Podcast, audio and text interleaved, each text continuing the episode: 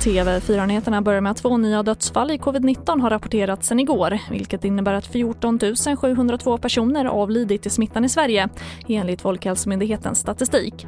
Och på myndighetens pressträff alldeles nyss tryckte Emma Spak, sektionschef på Sveriges kommuner och regioner på vikten av att vaccinera sig. Vaccineringen är den enskilt viktigaste åtgärden för att minska smittspridningen, minska risken för att bli allvarligt sjuk, ge vården möjlighet att i så stor utsträckning som möjligt ge alla patienter som behöver planerad vård, vård i rätt tid. Och det blir tydligt när de allra flesta patienterna nu som vårdas för covid-19 är ovaccinerade.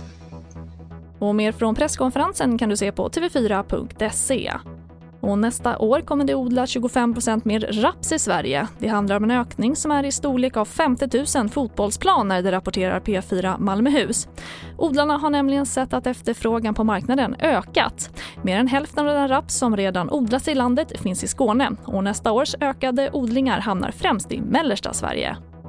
Och vi avslutar med att sent igår kväll fick polisen ett samtal från en jägare i Alvesta som av misstag råkat skjuta en tamko i en hage när han var ute på vildsvinsjakt. Det skriver Smålandsposten.